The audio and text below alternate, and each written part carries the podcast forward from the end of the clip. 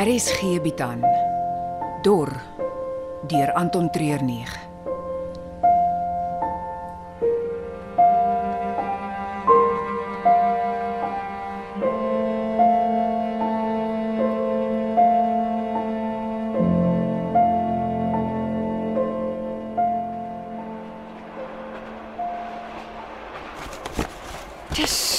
Dis alles toiletpapier. Ek kan nie onthou wanneer laas het ek toiletpapier gesien nie. Op vlak 3 waterbeperkings was dit al verbied vir die gewone mense. Dis altyd een van die eerste goed wat opraak as daar 'n krisis is.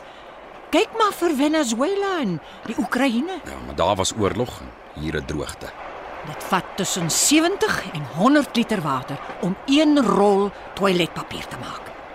Ons kon dit nie meer self in Suid-Afrika maak nie. Maar hier sit ons in 'n berg van dit. Dit gaan direk aan na die geslote gemeenskappe langs die kus. Ja, waar die politici se families en vriende woon.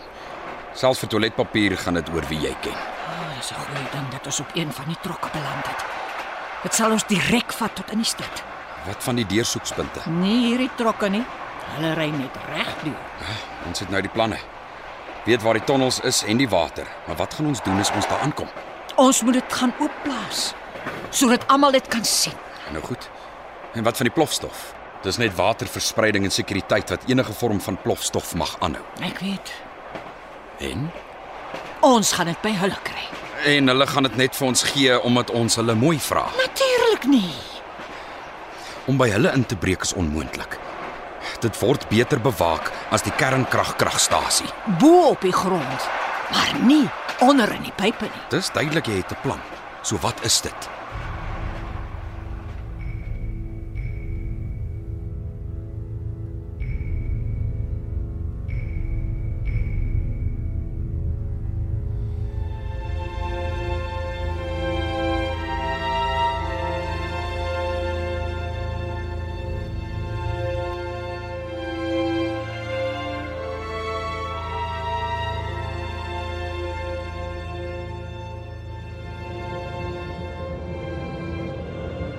Ons ry vanaand eerste klas.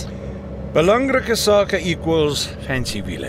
My pa het altyd gedroom van 'n double cab bakkie, maar hy het gesê die dienste en die bande is te duur. Nou, dan wou hy dit nie regtig gehad het nie. As jy so 'n bakkie wil hê, moet jy bereid wees om finansiëel te suffer. Anders is daar niks om oor te brag nie. Hoe nou?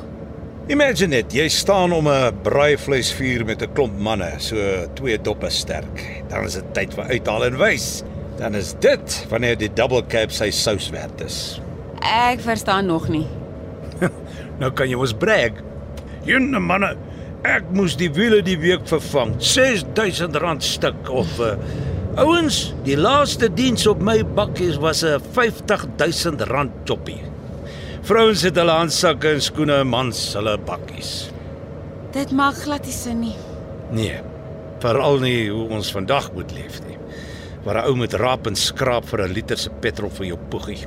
Dis as jy jou eie voertuig het. Oral is dit net staatstaksies en trokke. Maar vanaand is ons ryk met ons eie double cab. Hierdie bakkies word net gebruik om belangrike persone te gaan haal.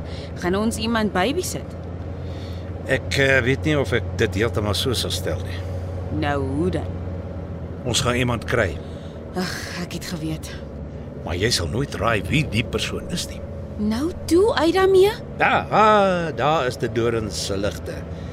Kom ons stop eers, dan sal ek jou vertel.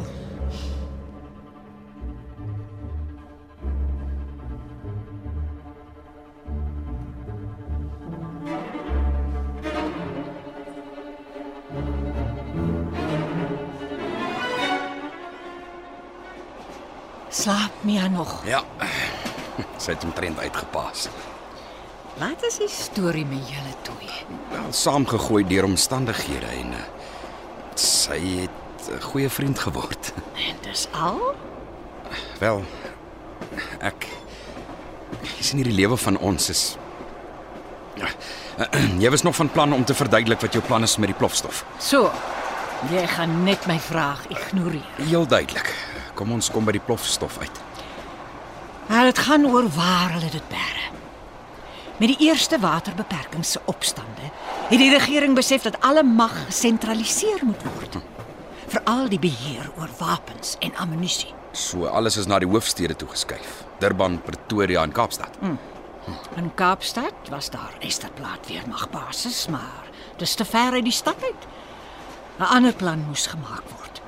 So die naaste staatsgeboue aan die parlement met genoeg spasie om groot hoeveelhede ammunisie en plofstof te bære. Dis die nasionale biblioteek. 'n Bib. Ja. Te danke aan Simon van der Stel wat die eerste belasting op wynboere gehef het. Daai geld is gebruik om die nasionale biblioteek te bou. Groot vertrekke onder die grond waar boeke gestoor kon word. En daai stoorplek is nou vol plofstof. Net so. Kan jy glo dis letterlik oor kan die pad van die parlementsgeboue. Maar nou hoekom blaas ons nie net die biblioteek op nie? Ek het op die kaart gekyk. Die waterpype loop nie onder die bib deur nie. So as ons die biblioteek opblaas, is dit net terroriste wat ou boeke opblaas wat niemand meer gebruik nie. Nie die impak wat ons wil hê nie. Presies. Ons kan wel die ou waterkanale gebruik om naby die bib te kan kom, maar ons gaan 'n ander manier moet kry tot by die plofstof. Ek neem aan om te sê ons wil 'n boek uitneem, gaan nie die gewenste effek hê nie. Veral aangesien daar nie meer boeke is nie. Wat? Al die versamelings en naslaanwerk is verkoop. Die kuns wat in die regeringsgeboue gehang het, alle antieke meubels, alles is verkoop. Sonder dat ons mense daarvan weet. Onder vlak 4 waterbeperkings is die reg aan die regering gegee om enige besluite te neem om die druk van die waterkrisis te verlig. Die verkoop van boeke, skilderye en meubels, Het iemand se sakke vol note gestop? maar nie 'n druppel water gekoop nie. Nie 'n druppel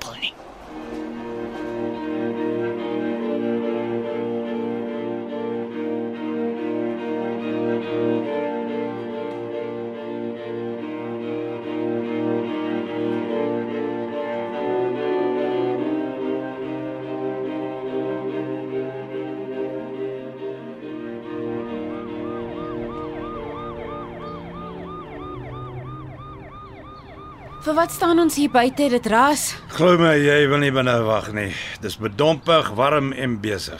Kyk, die berge is impressive en in die ou dae toe hier nog ry op ry van tafeldrywe was, sou ek enige tyd in die kar gespring het vir die outing, maar nou is dit droog en lelik. Maar is nog net 'n rukkie. Die bakkie. Daar is min polisiemanne wat die kans kry om in een van hulle rond te ry. Dis meestal die spesmagte. Wat is die storie? Ek het 'n gevangene gehad om op te tel en hulle het dit goedgekeur. Wie is hierdie hulle wat dit goedgekeur het? Van die hoogste gesag, Sinnelose woorde. Ek wil weet wie spesifiek het die opdrag gegee. die hele veiligheidsraad. Hulle het saam daaroor gestem. Moenie so verbaas lyk nie. Hoe het jy dit reg gekry? My wonderlike persoonlikheid het hulle oortuig. Ja, sure. Wat het jy hulle beloof? Wat ek nog altyd sê, dat ek die terroriste gaan vang. En nou, ewe skielik gee hulle jou wat jy wil hê? Dit moet die gevangene wees. Wie is dit? Moet nou nie dat ek die verrassing vir jou moet spoil nie. Wag tot hulle hom hier aanbring. Wat moet 'n ou hier om doen vir 'n bottel lekker koue water, hm? Dis omtrent tyd dat jy hier opdag. Dis nie my skuld julle bang gat uit die polisiekantoor 2 kilos uit die dorp uitgebou nie. Is dit vir hom wat ons wag? Uh verskoon my. Ek het myself nog nie behoorlik voorgestel nie. Romulus is die naam en jy is? Sersant Rachel de Kaap. Nou Rageltjie. Hoe lyk dit met daai water? Ek laat nie so met my praat nie. Kom nou Romulus, hierdie is nie een van jou myners nie. En ek is nie een of ander hier jy nie. Ek doen die jobs waarvoor jy nie die temperament of die guts het nie. Ek ry nie saam met hom in dieselfde kar nie. Julle albei moet nou relax. Ons is hier vir iemand baie belangriker as een van julle twee. Ek sal so kalm soos 'n lammetjie wees as iemand net vir my water kan gee. Rachel, daar's water agter die sitplekke in die bak. Jy gaan kry gou vir ons 'n paar bottels. Vir wat moet ek? Want jy is die sergeant en ek is die kaptein. Nou goed, as dit so gaan wees. Ja. Daai een het maar kort lont. Jy het daai effek op meeste mense. Dit was 'n lang dag en nog 'n langer week. Ek is seer, moeg en dors. My broer is dood en ek moes die moordenaars babysit en al wat ek nou wil hê is water. So as ek 'n bietjie onbeskof oorgekom het, dink ek daar's 'n versagtende omstandighede.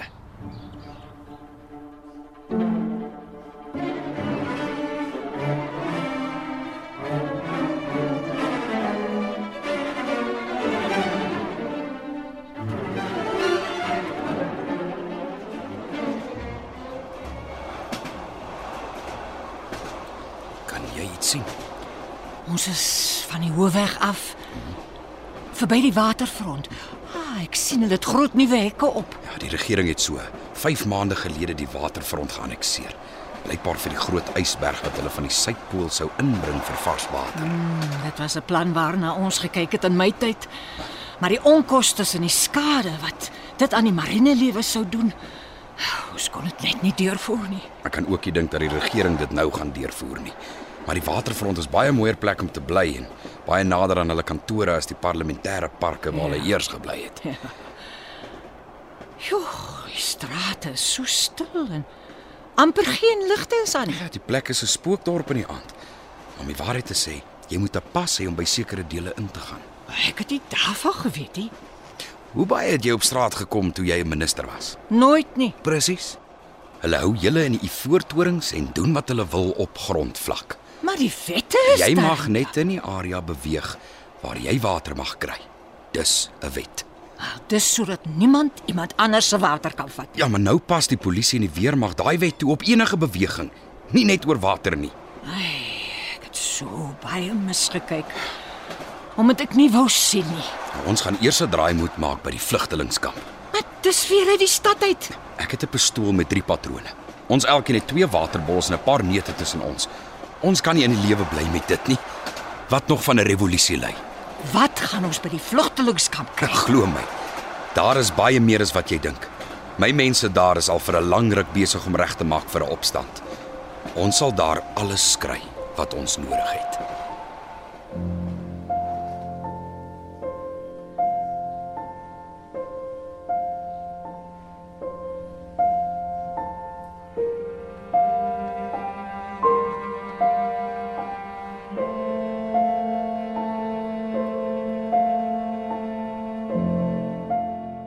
Dor word in Johannesburg opgeneem onder spelleiding van Johnny Klein. Die tegniese span is Frikkie Wallis en Dipalesa Motelo.